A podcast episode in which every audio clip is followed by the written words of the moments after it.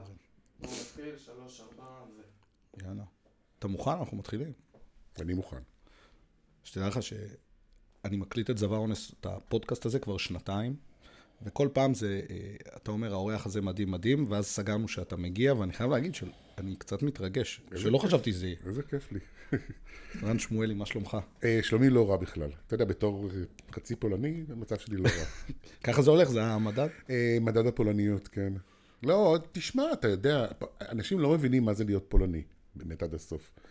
זה מעבר לבדיחה, זה, יש לזה איזשהו סיפור מאחורי זה, זה, השקפת עולם מחורבנת, אה, ש, שבאמת אה, רוויה עצב ו, ו, ו, וסבל. ואם אתה מצליח להתגבר על זה, אז החיים שלך יפים. אני יכול להגיד לך שאני גיליתי דבר נוראי, אני ממוצא טורקי, ההורים שלי עלו מטורקיה, ואני גיליתי שטורקים שהם מזדקנים הופכים להיות פולנים יותר גרועים. וזה מאוד מפחיד אותי. כן, אתה יודע, מה הבעיה בפולניות? זה נכון, אבל בסוף כולם נהיה פולנים. אבל הפולנים, הם הגדילו לעשות, והם, וזה, ו, ואתה יכול לראות בני, בני 22 שהם בני 90, אתה מבין? נכון. אז, אז אה, זו הבעיה אצל הפולנים. אז הרעיון של הפודקאסט הזה, של זבר אונס, הוא אה, לפגוש אנשים ולקבל קצת השראה, לשמוע על הדרך, מה עשית, לראות מה אנחנו יכולים ללמוד מאנשים שהם צעירים, אנשים שחושבים להחליף קריירה וכל דבר כזה או אחר. ובדרך כלל אני מבקש מהאורחים שלי לתת איזה elevator pitch קטן.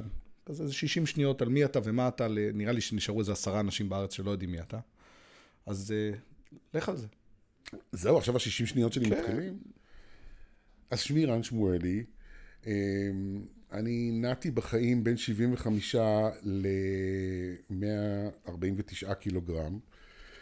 אה, אוהב אוכל, חי אוכל. אני לא חי בשביל אוכל, היום אני, קשה לי להגיד את זה, אבל היו תקופות שחייתי בשביל אוכל. אה,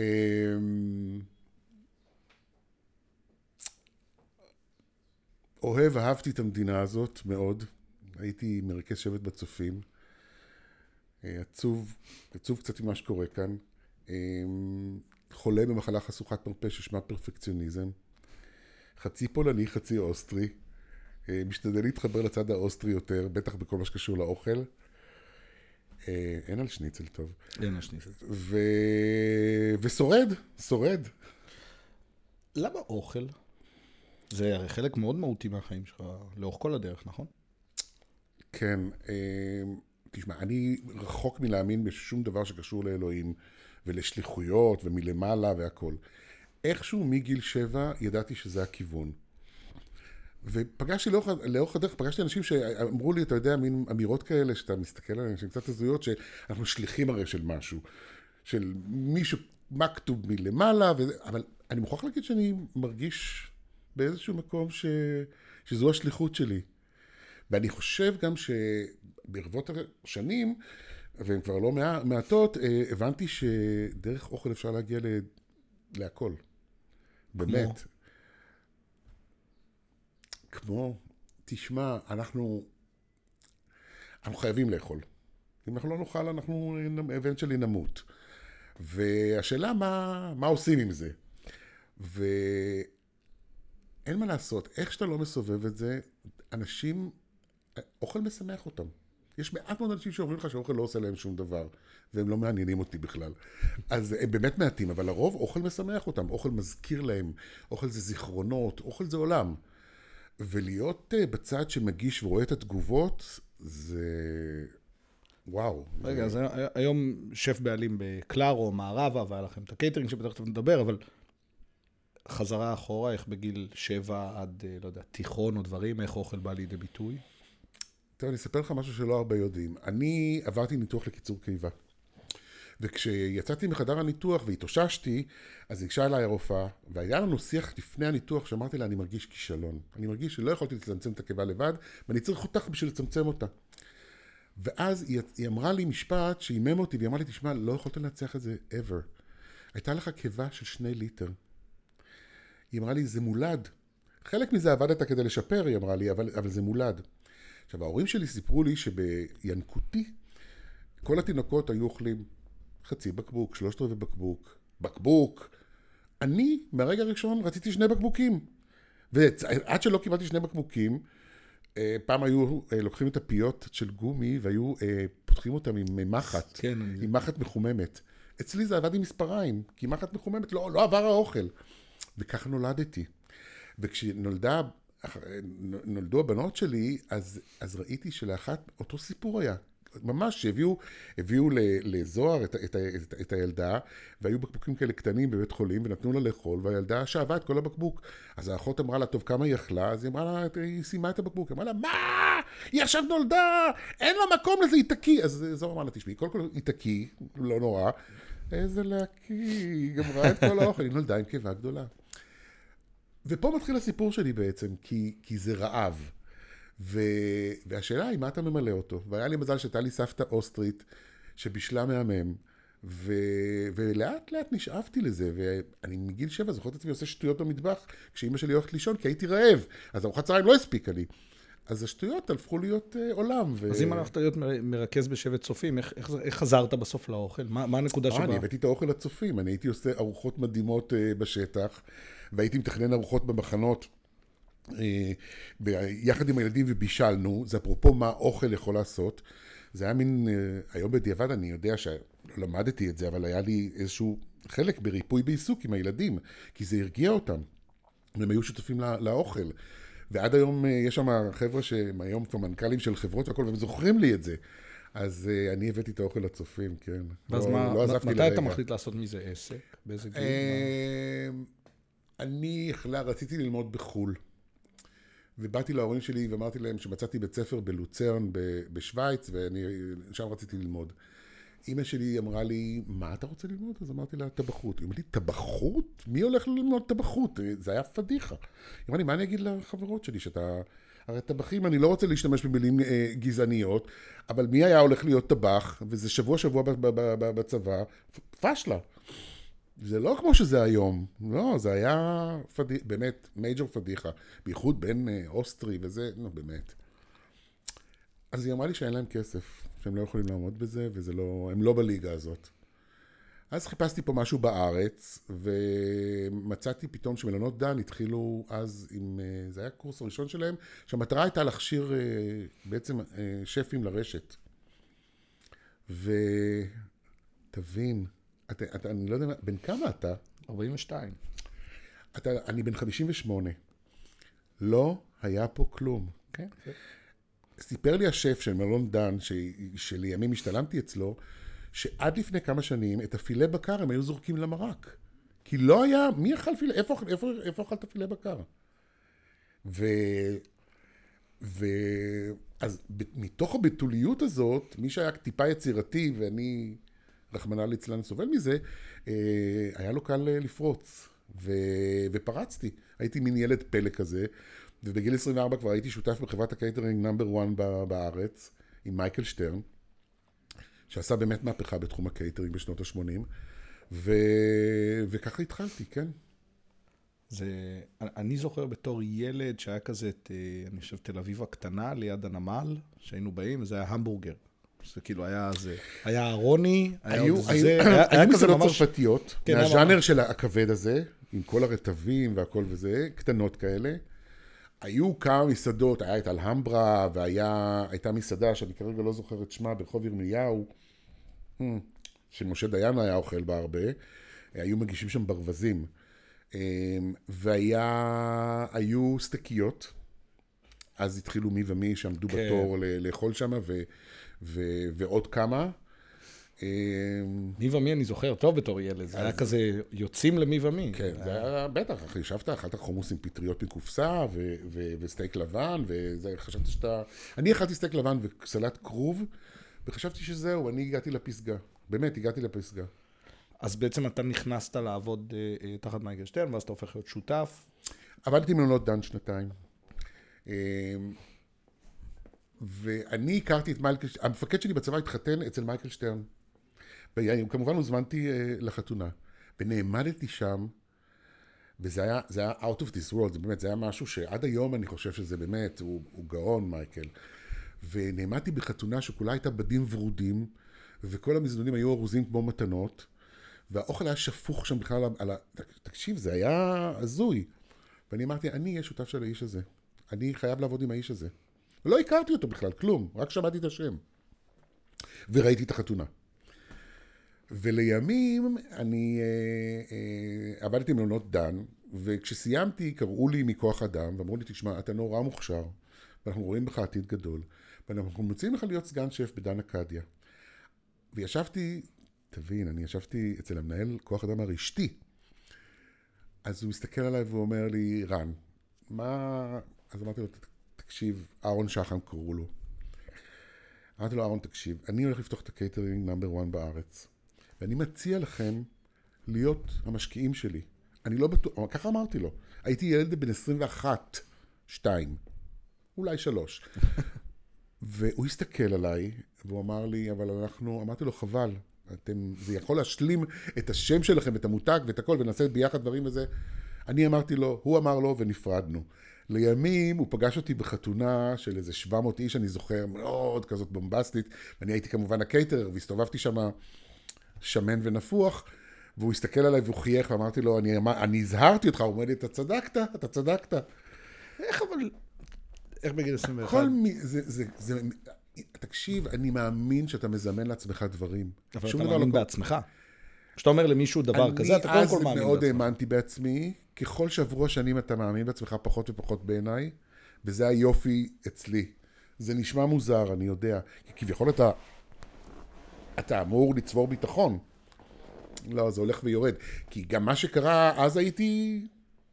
כמה היו כמוני? מעט. שהלכו בכלל לסיפור הזה של אוכל. היום אה, יש המון. אתה חושב שאתה מאמין בעצמך עם הזמן פחות בגלל שאתה יותר פרפקציוניסט, בגלל שיש לך יותר צלקות, בגלל ש... אתה יודע מה יש לך להפסיד. אתה מבין, א', יש לך מה להפסיד, כי אני, סליחה, אבל הצלחתי, אני לא עשיר, אבל הצלחתי. וב', אה, אתה מבין מה זה להפסיד, כי אני גם אה, עשיתי טעויות בחיים שלי והגעתי לעברי פי אה, פשיטת רגל. רגע, אנשים ישמחו לדעת, זה סיפורים מדהימים, חלק אני מכיר, אבל לצורך העניין, אתה בשיא, אתה בקייטרינג עם מייקל שטרן, ואז מה? ואז כעבור חצי שנה, טוב, אני עברתי דברים, אנחנו, אין לנו מספיק זמן, אני עברתי דברים הזויים. אני מוכן לבטל את הכל. ואז אחרי חצי שנה בערך מייקל בא אליי ואומר לי, הוא דיבר באקצנט אמריקאי כזה, ואומר לי, אני לא רוצה יותר קייטרינג, זה מספיק לי. והוא עשה קייטרינג לפניי, הוא היה עם שף, עם שני שפים אחרים לפניי, ואמרתי לו, מה... אז, אז הוא אמר לי, אמרתי לו, תקשיב, יש חוב. כי אנחנו רק התחלנו והשקענו והכל וזה. אז הוא אמר, אני אשלם חצי מהחוב ואני יוצא. הוא היה הגון מאוד. והוא יצא, ואני נשארתי עם חצי מהחוב. ואז באותו זמן גם הכרתי אה, את זוהר, והיא הצטרפה אליי, והתחלנו לעבוד יחד, והמשכנו את הקייטרינג. ו... ועבדנו יופי, ולא ידענו שום דבר מהחיים שלנו. זה אפרופו, העולם שייך לצעירים, קדחת. וככל שעבדנו יותר, בדיעבד הבנו שהפסדנו יותר. וסיימנו את העונה, והיינו בחובות איומים. ואז התחיל איזשהו מסע של ללמוד תוך כדי, שאני לא מאחל את זה לאף אחד. אני פשוט לא, זה ככה לא, ככה לא עובדים. זה אפרופו שבהמשך אתה תשמע ממני מה דעתי על מה שקורה עכשיו. ומשרד המסחר והתעשייה עזר לנו, והבנק קצת עזר לנו, וחלק לא עזר לנו, וסיפור שלם, ולקח איזה שנתיים עד שהבנו מה זה לעשות אירוע, וגם שיישאר ממנו כסף. וזאת התקופה שהרווח על האירועים היה גדול. על מי שעבד בתחום המזון הרוויח כסף. היה הרבה יותר מקום לטעויות. היה הרבה יותר מקום לטעויות, והייתה רווחיות, כן, הייתה רווחיות, וזו לא מילה גסה. אני חושב שזה אחד המקצועות הקשים. אני הגעתי בסוף למצב שאני חליתי במחלת היאפים, מתשישות. וכן, הגיע לנו להרוויח ולהגיע לדברים. והצלחנו, הצלחנו, זה המזל שלנו. המזל שלי שפה בא הצד האוסטרי-פולני שלי, שלא לבזבז. ושמנו כסף בצד וחסכנו וקנינו בית, וזה היה המזל שלנו, כי לימים הגיעו גם אה, סופות ו...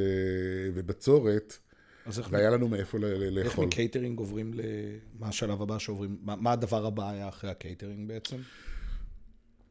אה, אנחנו אה, עשינו את החתונה של עירית ויונתן קולבר, ובאיזשהו שלב, היינו חבר, אנחנו חברים מאוד מאוד מאוד טובים, ובאיזשהו שלב באנו אליהם ואמרנו להם שאנחנו היינו בניו יורק בזמן האחרון כמה פעמים, ונורא בא לנו לעשות Dean & DeLuca בארץ, שזו מעדניה, אז הייתה באמת מדהימה. איזה שנים אלה? תחילת ה-90? זה היה בש- בתחילת, ב-92-3, כן. ויונתן אמר לי, תשמע, אני לא בטוח שזה אחד הדברים שהכי מעניין אותי להשקיע בהם, אבל אני, במקרה פנה אליי מישהו מניו יורק, שנורא בא לו להביא את דין דלוקה לארץ והוא מוכן להשקיע, אז אולי אני אשקיע איתו ביחד. אמרתי לו, טוב, איך קוראים לו? אז הוא אומר לי, קוראים לו רון לאודר. אז אמרתי, וואלה, ואז מצאנו את עצמנו שותפים עם קולבר ולאודר, ופותחים מעדניה בתל אביב. ואז התבלבלתי, כי פתאום, אה, פתאום נכנס, נכנס המון כסף לחשבון, ו, ופתאום, בבת אחת, ופתאום הייתי בכותרות, ופתאום, ואני מודה, התבלבלתי קצת. אה, אבל, אה, אבל, אבל בסדר, זה, זה, מהר מאוד חזרנו, חזרנו לתלם ופתחנו את המעדניה. שבוע אחרי רצח רבין, בגן העיר, שזה גם קרוב פיזית לאיפה שזה היה. אני פותח סוגריים. אני, אה, בערב שרבין נרצח, אני בצהריים אכלתי, אה, עשיתי אוכל לרבין. אני- בצהריים? כן, באותו צהריים. כן, היה אירוע בהרצליה פיתוח והם היו מוזמנים, ותמיד, לאה תמיד נכנסה למטבח וחיבוקים ונישוקים, כי אני הייתי קייטרינג הבית שלהם, ו, וכמעט לא הייתה פעם ש, ש, אה, שיצחק לא נכנס אה, למטבח ואמר תודה לטבחים. אנשים של פעם. זה היה... הם כבר חיכו לזה. הפעם הראשונה שזה קרה, כשעשינו את זה אצלם בבית אירוע, אנחנו נשתלנו. כי אנחנו היינו עסוקים, היינו שלושה טבחים ואני, במטבח של בית ראש הממשלה, ועבדנו לנקות אחרינו כי נגמר האירוע, ופתאום אני שומע, אה, סליחה, ועומד יצחק רבין, ראש הממשלה, במטבח, ואומר, אני רק רציתי להגיד אה, תודה רבה. זה היה מאוד מוצלח, יישר כוח. והוא הסתובב והלך, הם התייבשו הטבחים.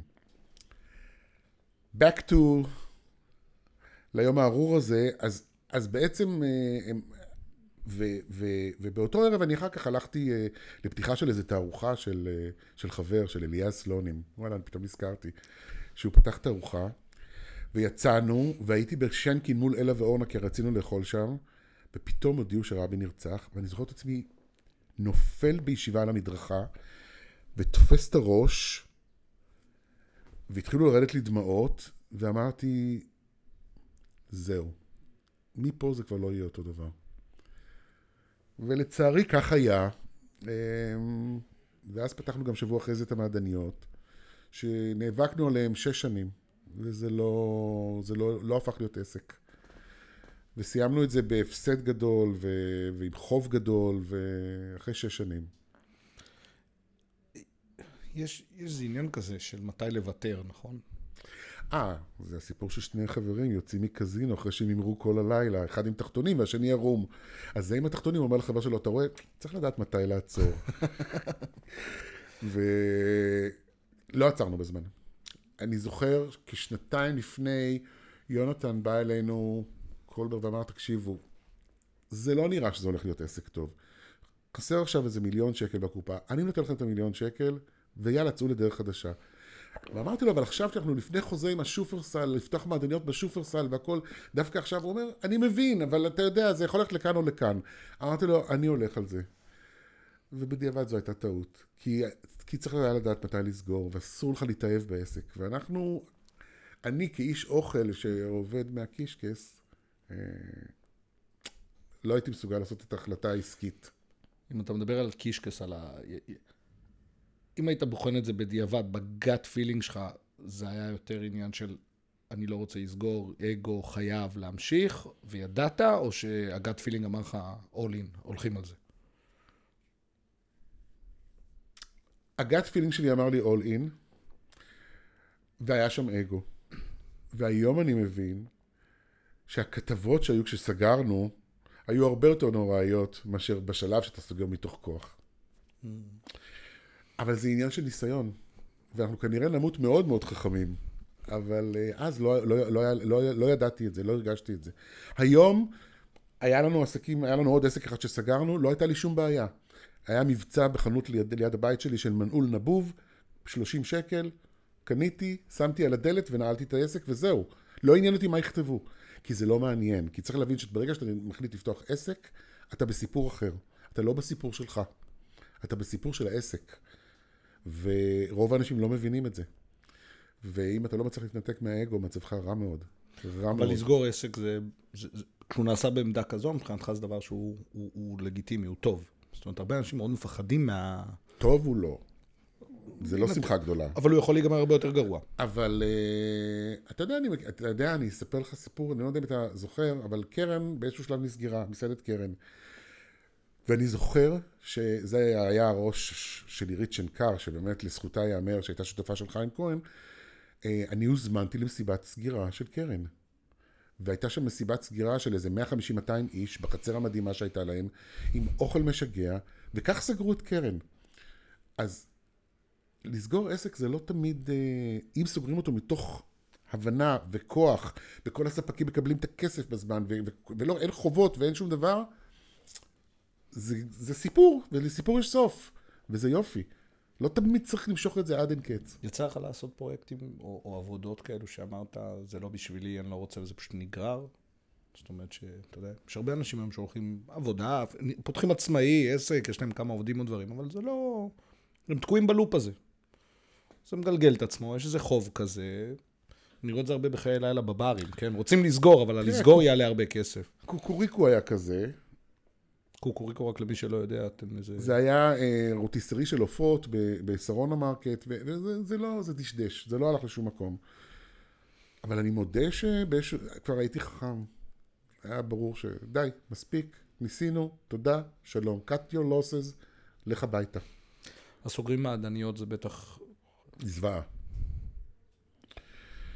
א', סגרנו את זה עם חוב גדול, שאני וזוהר היינו צריכים להתמודד איתו.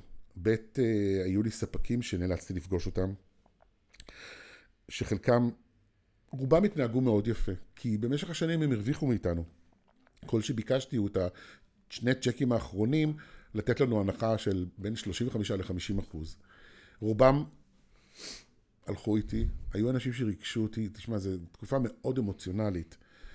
אני פגשתי בין שלושה לחמישה ספקים ליום. אה, היו לי עניינים עם בנקים, היו לי עניינים עם, אה, עם עובדים, זה לא היה פשוט. אבל הייתי שם עם הטלפון שלי ו- ו- ו- וניהלתי את זה. ואני זוכר את עצמי אחרי הפגישות, מגיע הביתה, שוכב על הספה, גמור. אתה יודע, אני זוכר שישבתי עם חיים רפאל מהמעדניה. הייתי חייב לו לא הרבה כסף. הוא אמר לי, תן לי 50 אחוז וצא לדרך.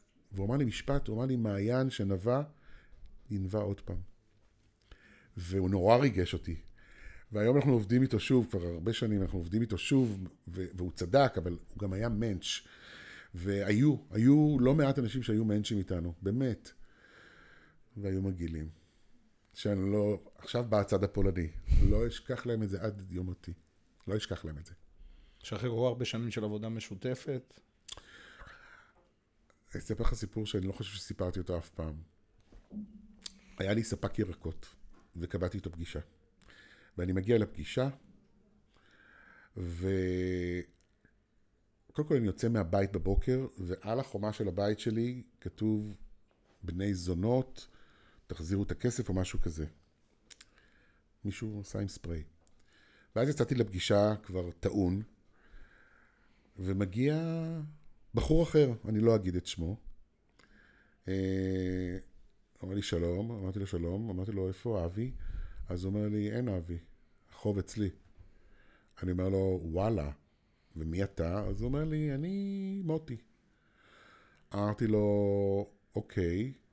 אמר לי תביא את הכסף עכשיו או שאני חבל לך על הזמן, אני, אתה, אתה תסבול. והתחיל לאיים עליי.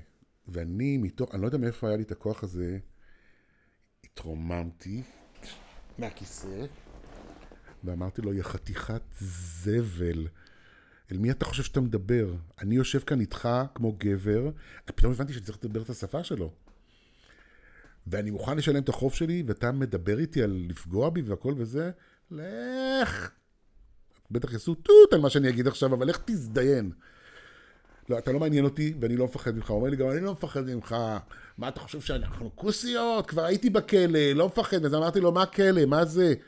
אני מוכן לשלם לך, תהיה גבר ותשב ובוא נדבר על זה.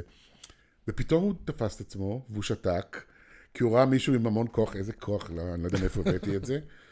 ו... וסגרתי איתו את החוב.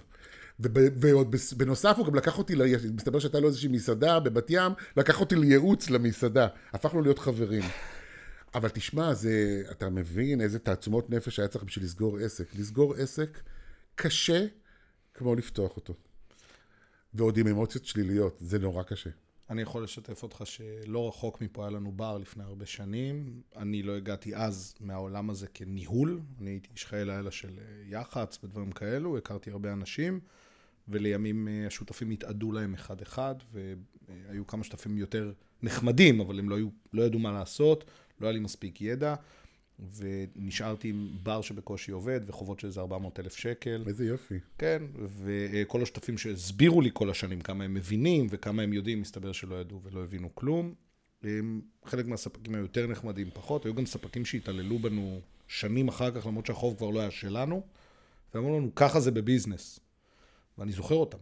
זוכר את הצלקת הזאת טוב, ואז אמרתי להם, זה גם סכומים כאלה מצחיקים כאילו, לרוץ אחרי בן אדם ולתזז וזה, ויש מישהו שאתם אמורים לגבות ממנו, אבל היה נראה שלהוציא ממני היה יותר קל. לימים גם על זה הסתדרנו, אבל אני זוכר שאחד הדברים שהכי נחקקו אצלי היה שהתחלתי להתקשר לכל האנשים שכל השנים היינו ביחד בחיי הלילה, והייתי עוזר ומייחצן להם או דברים כאלו, אמרתי, יש לי בעיה. ואחד אחד התחילו להגיע אנשים ולפתוח ספרים של המתחרים שלנו, ולהראות לי ולהסביר לי. ולהגיד, תקשיב, אם תעשה ככה ואתה יכול לעשות את זה, תתקשר להוא, בוא אני אדבר איתו, בוא נפרוס, בוא נסדר. ובסוף המתחרים כביכול הכי גדולים שלנו הם מי שהצילו אותי.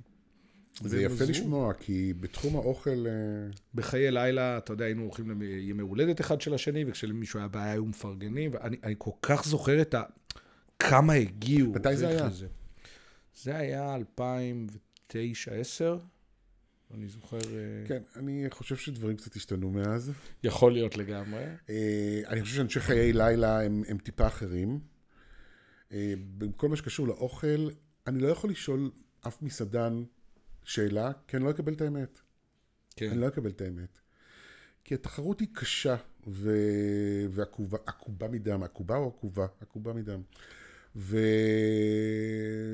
וההתנהלות היא בהתאם, מול אחד, אחד מול השני. אני חושב, אני חושב שאצלנו אולי ההבדל בחיי לילה הוא שבגלל שכולנו מוכרים בעצם את אותה בירה, הווייב או האווירה הוא כל כך סוביק, אין לי מה... לא, כי פשוט ברוב התקופות הייתה עבודה לכולם. ובמסעדנות זה יותר קשה. כן.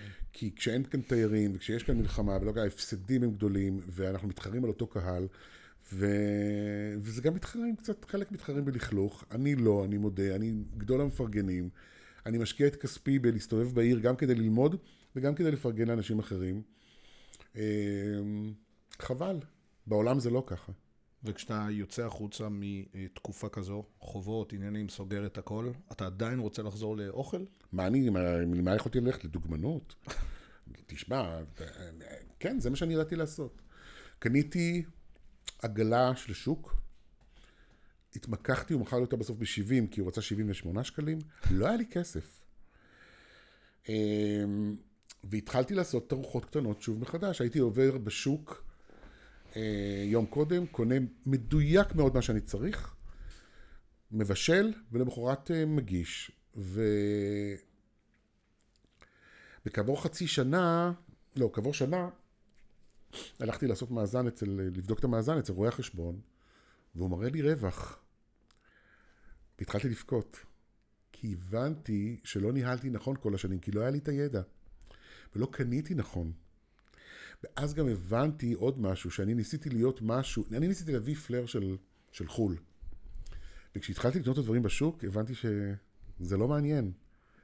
אז בעצם, ואני מדבר איתך על שנת 2001, אה, אני אז התחלתי להבין מה זה farm to table. המש... לא היה את המושג הזה בכלל. ולקנות מקומי, ולקנות בעונה, ולקנות מדויק, ו... ולא לזרוק. לא לזרוק בהתחלה זה התחיל מכסף, אחר כך זה התחיל ממחשבה על, ה... על, ה... על העולם. ואז אה, אז שינינו את דרכנו בעצם, ו... ואז התחיל בעצם, אז, אז, אז התחיל להיות רציני. ואז אתה וזוהר פותחים בעצם קייטרינג עוד פעם? פתחנו את הקייטרינג מחדש, כי אנחנו בתקופת המדינות השתדלנו כמעט ולא לעשות אירועים. ו... והצליח לנו. ו... ולאט לאט לאט לאט השתקמנו. לקח לנו אה, שמונה שנים לשלם את החובות, שהם היו קרוב לשני מיליון שקל, זה, זה, זה היה חוב אז זה רציני. היה מטורף. אבל, אה, אבל, אבל למדנו איך להרוויח מקייטרינג. ודייקנו את זה, ודייקנו את זה גם מול הלקוחות, והצליח לנו. ואז אני אספר לך סיפור מעניין, אני כל הזמן הרגשתי שכשף של קייטרינג אני לא מספיק מוערך.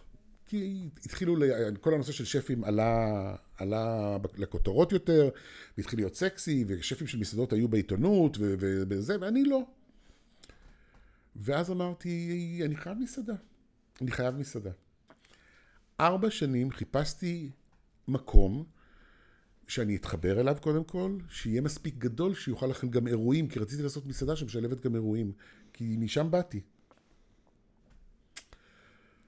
וכבר, אתה יודע, כל הסוכני נדל"ן היו צוחקים עליי, כאילו, אומר, זה לא, הוא לא, הוא סתם רוצה להסתובב, הוא לא... ו... תקשיב, לא היה לי משקיע, לא ידעתי מה אני עושה, חיפשתי מקום. ותוך כדי, אני מקבל יום אחד טלפון מערוץ, אה, אז היה 10, היום זה 13, שאומרים לי, תשמע, אנחנו רוצים אה, לדבר איתך, יש איזו תוכנית שמתהווה אה, בפריים טיים של אוכל, יש איזה ניסיון מטורף של ערוץ 10, שהיא תיקרא קרב סכינים, ואנחנו רוצים לדבר איתך. והתקבלתי לתוכנית הזאת. ו... והתחיל התחיל להיות, התוכנית התחילה להיות משודרת, זו הייתה הצלחה בלתי רגילה, היא בעצם התוכנית, ההצלחה שלה והתוכנית הזאת הובילה לזה שיש היום תוכניות אוכל בפריים טיים וזה לגיטימי, אז זה לא היה לגיטימי. מה, היה שום פלפל ושמן זית של חיים, ופה ושם איזה של איזה דודה שמבשלת. זה מה שהיה בטלוויזיה. וזה התחיל להיות משודר, וכעבור שלושה שבועות אני לוקח שתי הבנות שלי, לימים נולדו לי שתי בנות, אה, הסתובבנו בקניון בגבעתיים, ופתאום אה, ילדה אחת אומרת לי, אבא, מה זה האנשים האלה מאחורינו? אני מסתכל, טור של איזה 50 איש הולכים אחריי, ורוצים שאני אח... חתימות, ורן שמואלי, ומישהי צועקת, רן שמואלי תעשה לי ילד, ו... ואז, ואז התבלבלתי, כי הבנתי מה הכוח של אה, טלוויזיה.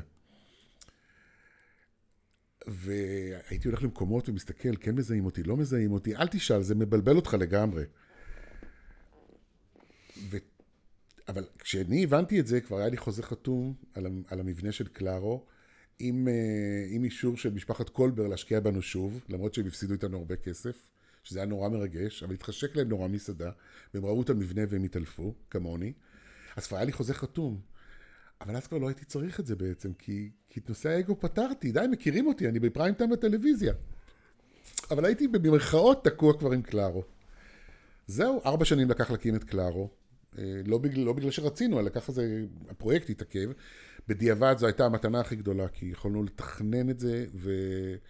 ולדייק את הפרטים. ועם כל זה טעינו, כי תמיד אתה טועה, אתה עושה טעויות.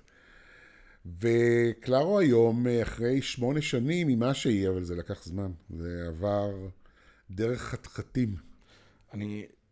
כמה חשוב לעבור את הדרך הזו עם... בעיקר את הרגעים נראה לי הקשים, עם... אה, כמו שאתה עובר, אתה עובר אותה עם אה, זוהר, ויש מישהו שהוא בצד שלך, אתה עובר אותה עם קולבר, שיש משקיעים בצד שלך, עוד דברים. כמה חשוב לא לעבור אותה לבד, בנקודות שאתם יושבים בבית, אתם מקבלים את ההחלטות, זה נראה לי... אני שואל את זה בעיקר בגלל שאני עושה הרבה שותפויות אה, בברים, יש לי הרבה שותפים, כמו שאתה יודע. ועשיתי כל מיני מיזמים כאלה לאורך השנים, דברים, אבל כאן, ב Street Wise, אני בעלים יחיד אה, 11 שנה כבר. ואיך התחושה? יש רגעים שזה קצת מבאס. אז אה, התשובה בגוף השאלה. אה, תראה, למצוא שותף טוב זה כמעט כמו למצוא בן או בת זוג טובים. אה, וזה קשה. צריך ללמוד, אה, לעשות דרך ביחד, צריך לדעת איך עושים דרך ביחד, ויש לזה גם, משמע, ויש לזה גם ויתורים. בכל פנייה ימינה, אני אומר תמיד, אם פנית ימינה, אז לא פנית שמאלה. אתה לעולם לא תדע מה היה בצד שמאל. ואני חושב אבל של, בייחוד בארץ, הדרך של עסק ושל של עסק משלך היא דרך מאוד מורכבת. וזה מאוד קשה לבד. זה מאוד קשה לבד. זה הרבה פעמים נובע מ... סליחה שאני אומר לך את זה, קצת אגו. אמ, יש את התחושה הזאת של אתה לא, לא תצטרך לתת דין וחשבון לאף אחד. זה לא נכון. אתה צריך לתת דין וחשבון, בין אם זה הבנק, או בין אם זה הלקוחות, אתה תמיד צריך לתת דין או וחשבון. לעובדים, או תמיד תיתן למישהו. נכון. אה, וקצת חזירות. אני ארוויח את כל הכסף לעצמי. זה לא עובד ככה. ולי יש שותפים מדהימים, באמת, אה, עירית היא שותפה מדהימה שלנו, ו, ומתוך שברגעים הקשים ש, ש, של העסק היא הייתה שם, וברגעים הקשים של העסק שקרו לא רק כספית, גם אני הייתי שם. וזו איזושהי דרך שאתה עושה ביחד, שהיא כמו שצריך, והיא נכונה, אין על זה. אין על זה, זה כמו בזוגיות. אז מערבה הגיע מתי? מערבה? הגיע באיזשהו שלב כי הבנו שהקייטרינג מתחיל להיות uh, בעייתי. א', הרגולציה, ותודה למשרד הבריאות שהורס את כל התחום שלנו, פשוט הורס את כל התחום שלנו. Uh, אני עוד לא התפניתי לזה, נתתי, אמרתי שניתן 100 ימים של חסד לניצן הורוביץ, אני אפגש איתו ואני אגיד את דעתי. Uh, כל חלקה טובה משרד הבריאות הורס ברגולציה. Uh, מכסים את הישבן שלהם, כי מי שמעליהם דורש מהם את זה, וכל המחול שדים הזה פשוט עושה נזק עצום. ולכן אה, הקייטרינג הפך להיות פחות ופחות רווחי ופחות ופחות מעניין. מעניין. כן, זה- כי התעסקת כל הזמן ב- ברגולציה ופחות ב- ביצירה. אה, וגם הופיעו מפיקים, מה שבתחילת הדרך לא היה. אה, חלקם מוכשרים מאוד, חלקם אה, פחות. והם אלה שקבעו איך האירוע נראה. ובהתחלה זרמתי עם זה, אבל אז הבנתי שאני הופך להיות מין ספק מזון. ולא בגלל זה בחרתי את המקצוע. אני בחרתי את המקצוע כי רציתי ליצור. וברגע שהיצירה לא הייתה בידיים שלי יותר, זה כבר לא עניין. ו... והיה לנו ברור שהדרך החוצה היא מקום משלנו לאירועים. אה, ולקח שוב גם זמן עד שמצאנו, אבל מצאנו את, את המקום הזה. ו... אבל מערבה בעצם מציע היום אה, אה, גם את קונספט ה-farm to table שיש היום ל... מערבה לוקחת את כל הטוב שלנו ומרכזת אותו במקום אחד בתחום של האירועים. היא לא אולם גליצי. אין שם פירוטכניקה יוצאת דופן. יש שם. לא בשביל זה באים למערבה. באים בשביל מערבה כי רוצים וילה מדהימה של מישהו שיש לו טעם טוב ויודע לבשל ויודע לארח, ושם אני רוצה לארח את החברים ואת המשפחה שלי. זה, אה, זה, זה המקום שלך בעצם להביא את המקום. עצמך ל- לגמרי. לדבר הזה. עכשיו רגע, במערבה, אבל גם יש כזה ריבוי אה, מנות והשולחנות והדברים. וה... מה זה ריבוי מנות? תשמע, יש שם עמדות שמבשלות באמת עם אה, מין דפים מעליהם כדי שהאולם לא, לא יריח. ויש שם גן ירקות מדהים, ו- ושקוטפים ממנו דברים ל- ל- לאירועים. לא הכל, אבל חלק, וזה נותן גם את הפלר המיוחד, את, ה- את הפינס בסוף. אה, הוא עשוי, הוא עשוי יפה, אבל יש שם משהו גם צנוע. זה אני. אני לא, אני לא, אני לא מתחבר לכל המראות וכל הכפרים המלדיביים באמצע אזורי תעשייה בכל מיני מקום. אני לא מתחבר לזה, אני מצטער. אני, אני, אני אומר משהו שלא אמרתי באף פודקאסט קודם, כן, אבל זה נראה שהעיניים שלך נוצצות כשנכנסת שנייה לדבר על הדבר הזה פתאום. כן, כי אתה יודע, אתה, כשאתה עושה דברים אה, אחרי הרבה שנים של ניסיון, אז א', אתה, אתה לוקח אותם כבר ממקום אחר, ואתה אתה מבין גם שזה לא מובן מאליו. אתה יודע, הייתי טיפש בגיל 24 והייתי אה, שותף בחברת קייטרינג. מה ידעתי מהחיים שלי? לא ידעתי שום דבר. היום אני יודע מהחיים שלי. ויש שם, אמת, ויש שם חיבור אמיתי לא- לאיזשהו vision. ואין לזה, לזה מתחרים בעיניי, כי לעשות עוד אולמות יפים בארץ, אנשים יודעים לעשות, אבל זה יהיה אולם אירועים. זה לא יהיה, זה לא יהיה הדבר האמיתי. ואני מאמין שאנחנו, שאנחנו כן נותנים את הדבר האמיתי. אה, יש שם גן עצום מסביב שאנחנו אה, מטפחים אותו, שהוא לא נראה, הוא לא פומפונים ו... וקאנטים בדשא, ו... לא, הוא גן. הוא גן סוג של אנגלי, ישראלי כזה. אני אוהב את זה, נו, מה אני אעשה? לא, אני, קודם כל, אני, מתרגש לשמוע אותך מדבר, אז זה, זה כיף. אתה יודע, בערב שפתחתם את קלארו אחרי הקורונה, הגענו שולחן של, אה, של הפורום שלי בארגון היזמים, פתחנו שולחן. אני לא אוכל הרבה במסעדות מאוד יקרות, ונפל לי איזה אסימון, שישבנו איזה ארבע שעות, והייתה חוויה אדירה והייתה מעולה, גם האוכל היה מהמם. ואני חושב שהחוויה שהייתה גרמה לי לאיזה שינוי כזה, שחזרתי אחר כך, זה ארבע או חמש פעמים בחודשיים שאחרי, כי רציתי את החוויה שמלווה באוכל טוב. ואז גם היה לי מאוד חשוב פתאום מי האנשים שאני בא איתם. ועם מי אני בא לפתוח, ושבאנו בראש השנה לדעתי עם ההורים שלי. אמרתי להם, תזמינו, תזמינו, אנחנו נהנים. ולראות את אבא שלי מתרגש מהמנות פתאום, או הדברים האלו, והוא אומר לי, כיף לשבת פה. זה העניין. זה, כיף החיבור לשבת הזה... שם. כיף לשבת שם, ו... ו... אני, אני נגד האמירה יקר. כשאתה נכנס לחנות בגדים, יש לך ג'ינסים ב-200 שקל ויש לך ג'ינסים ב-1200 שקל. וזו בחירה שלך איזה ג'ינס לבחור. יש מנות בקלארו ב-85 שקלים או ב-100, ב-100 שקלים, ויש מנות ב-250 שקלים, שהן לזוג בדרך כלל. אבל, אבל אתה יכול, אם יש לך, אתה יודע, אם אתה רוצה להיות בבאג'ט, אז תהיה בבאג'ט. מה אנשים עושים? אנשים מזמינים, מזמינים, מזמינים, ואחר כך, אתה יודע, פתאום נהיה להם נורא נורא יקר, ורגע, שנייה, זה בתקציב שלכם, זה לא בתקציב שלכם, אבל קלארו נותנת פתרון, היא לא זולה. לא.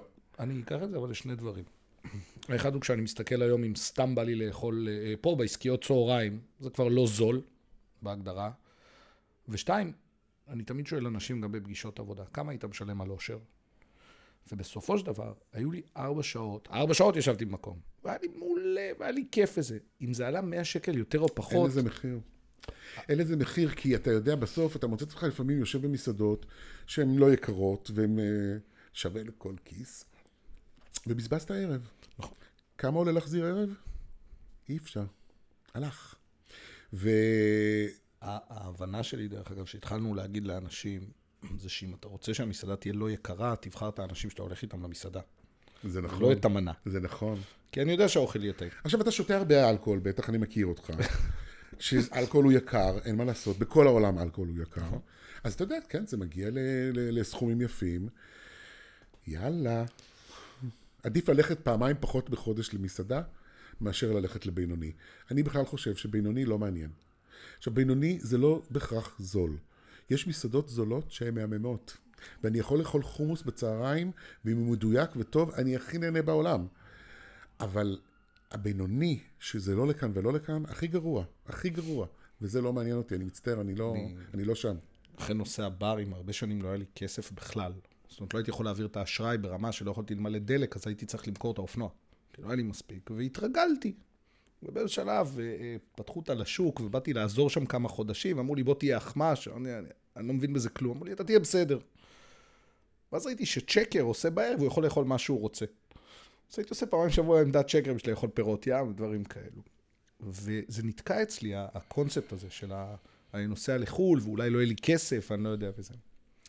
וחבר טוב, אביב, כעס עליי מאוד, והוא אמר לי, אתה נוסע, נסעתי בנובמבר לחודש ללונדון לכתוב. הוא אמר לי, דיר באלק, אתה בערב, אתה מוצא מקום טוב, אתה יושב על הבר, אתה מזמין ראשונה, אתה מזמין שתי כוסות יין, אתה זה, אמרתי לו, אוקיי. בלונדון צריך הרבה כסף בשביל זה. תשמע, זה שינה לי את התפיסה ואת הכל, ובסופו של דבר, כשאתה משווה את הדברים, זה לא היה נורא. החוויה שנוצרה, אנשים שפגשתי, אתה יודע, נכנסתי למסעדה קטנה כזו בסור, אני רואה בר יפה ואני נכנס ואני אומר לו, אה, היי, אני אשמח למקום לאחד. אז הוא אומר, אני סופר מצטער, בגלל הקורונה זו הפעם הראשונה שאנחנו פותחים ביום שני, אין צוות, ההנהלה, אה, אה, פה, כל ההנהלה פה, אין לי, אין לי צוות. ואני מסתכל במערכת מארחת ואומר לו, אתה יודע שאם תזיז את זה ואת זה, אני יכול לשבת פה שעה. מסתכל, אומר לי, אוקיי. ואני מתיישב על הבר, ואני מוציא את אחת מהמצלמות הקטנות האלה שאנחנו משתמשים איתן, ואני מתחיל לצלם, הוא ניגש, הוא אומר לי, מה אתה עושה? אמרתי, היית כזה חמוד, אז בוא אני אצלם לכם קצת חומר לסושיאל. מסתבר שהוא הבעלים, רשת של שבע מסעדות, וכל כך חסר צוות שהם הביאו את ההנהלה. ה-HR, ה marketing וזה, והשף הראשי של הרשת נמצא. ובסוף ישבתי שעה, שתיתי כוס יין עם השף על העמדת שקר, ואנחנו מדברים ומתקשקשים על מקומות, וחיברתי אותם פה. וזה היה שווה לי את כל הכסף. החוויה, אני רוצה חוויה.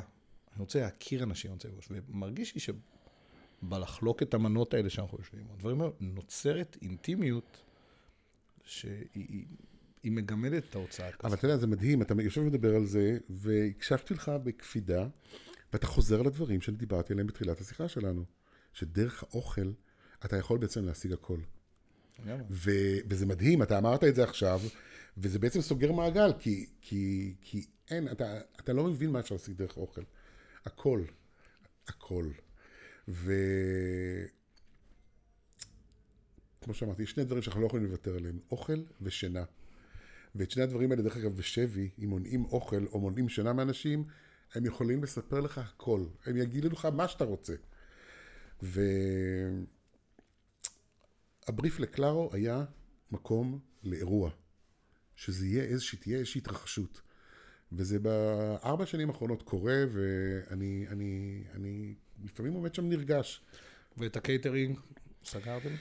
תשמע, אני חושב שבן אדם צריך לקום ולהסתכל במראה ולהגיד את האמת לעצמו.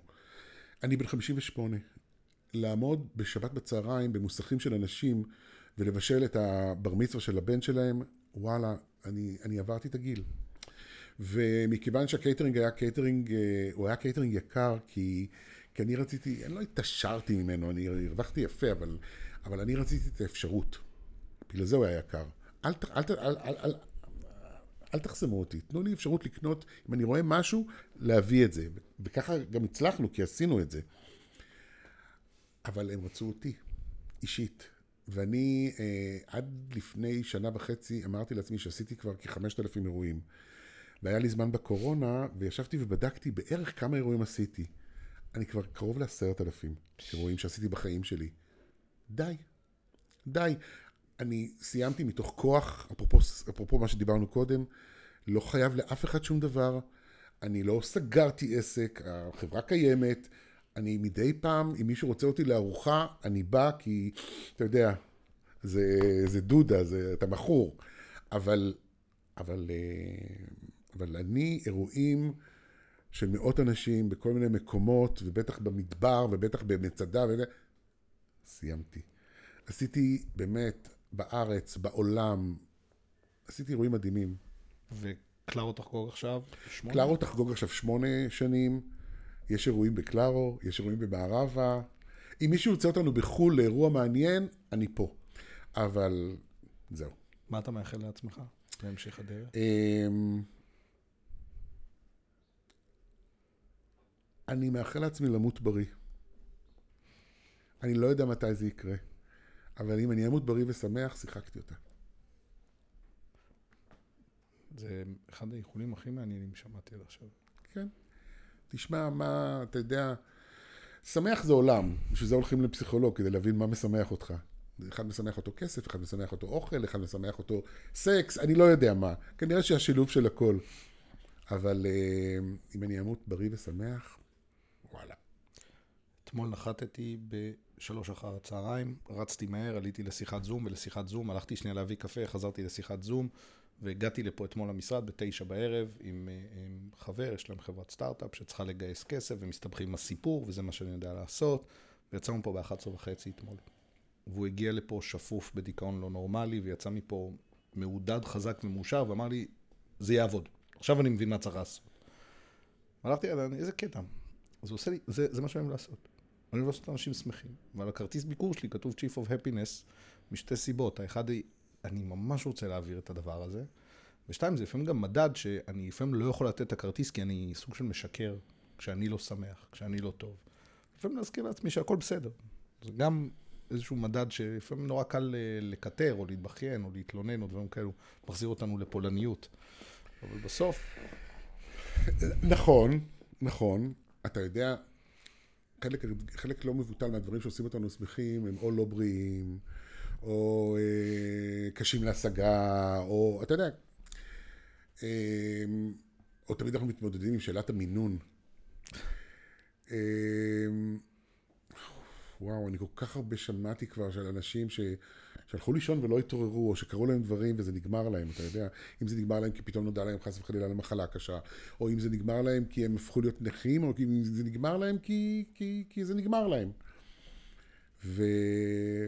והם היו משלמים כל כך הרבה כסף בשביל, אה, סתם, אני אתן לך דוגמה הכי קיצונית, סיגריות. הרי מי שעישן פעם, אתה לא עישנת, נכון? אני עישנתי. עישנת. אז מי שעישן פעם זה אצלו, זה, התולעת הזאת נמצאת שם. נכון. אז וואלה, אתה יודע, הרבה פעמים חשבתי לעצמי, כמעשן, אמרתי לעצמי, אני נורא נהנה מהעישון. וכל עוד נהניתי, עישנתי. ואמרתי, יכול, אני כנראה אחיה פחות אם אני אעשן, אבל אני אמות שמח. כאילו, אם אני לא אעשן ואני אהיה עצוב, אז מה? אז בשביל מה למשוך את הסבל הזה? אבל זו שאלת המינון, ופתאום בוקר אחד הבנתי שאני לא רוצה לעשן יותר. אני מיציתי את זה, ובואו נעשה, נלך לדבר הבא. שהיה לי בדיוק את אותו דבר עם אה, לעשן כשבא לך, ולא לעשן כהתמכרות. אבל אם אומרים שזה כל המסע הזה או הדברים זה משחק, אז אני מרגיש שאני משחק את השלבים ממש סבבה. לפעמים יותר, לפעמים פחות טוב, אני מאוד נהנה מהמשחק. אז uh, תקפיד על זה. אל תוותר על כלום. אל תוותר על כלום. כי רגע לפני אתה תגיד, כוס עמק, ויתרתי. ו... ואיך אמרה טליה שפירא? אם לא שמתם לב, החיים כבר התחילו. אז, uh, שזה משפט אדיר בעיניי. ו... וזה, ככה צריך לחיות. ככה צריך לחיות. לגמרי. ולעבוד על המינון, כן, אנחנו כל הזמן עובדים.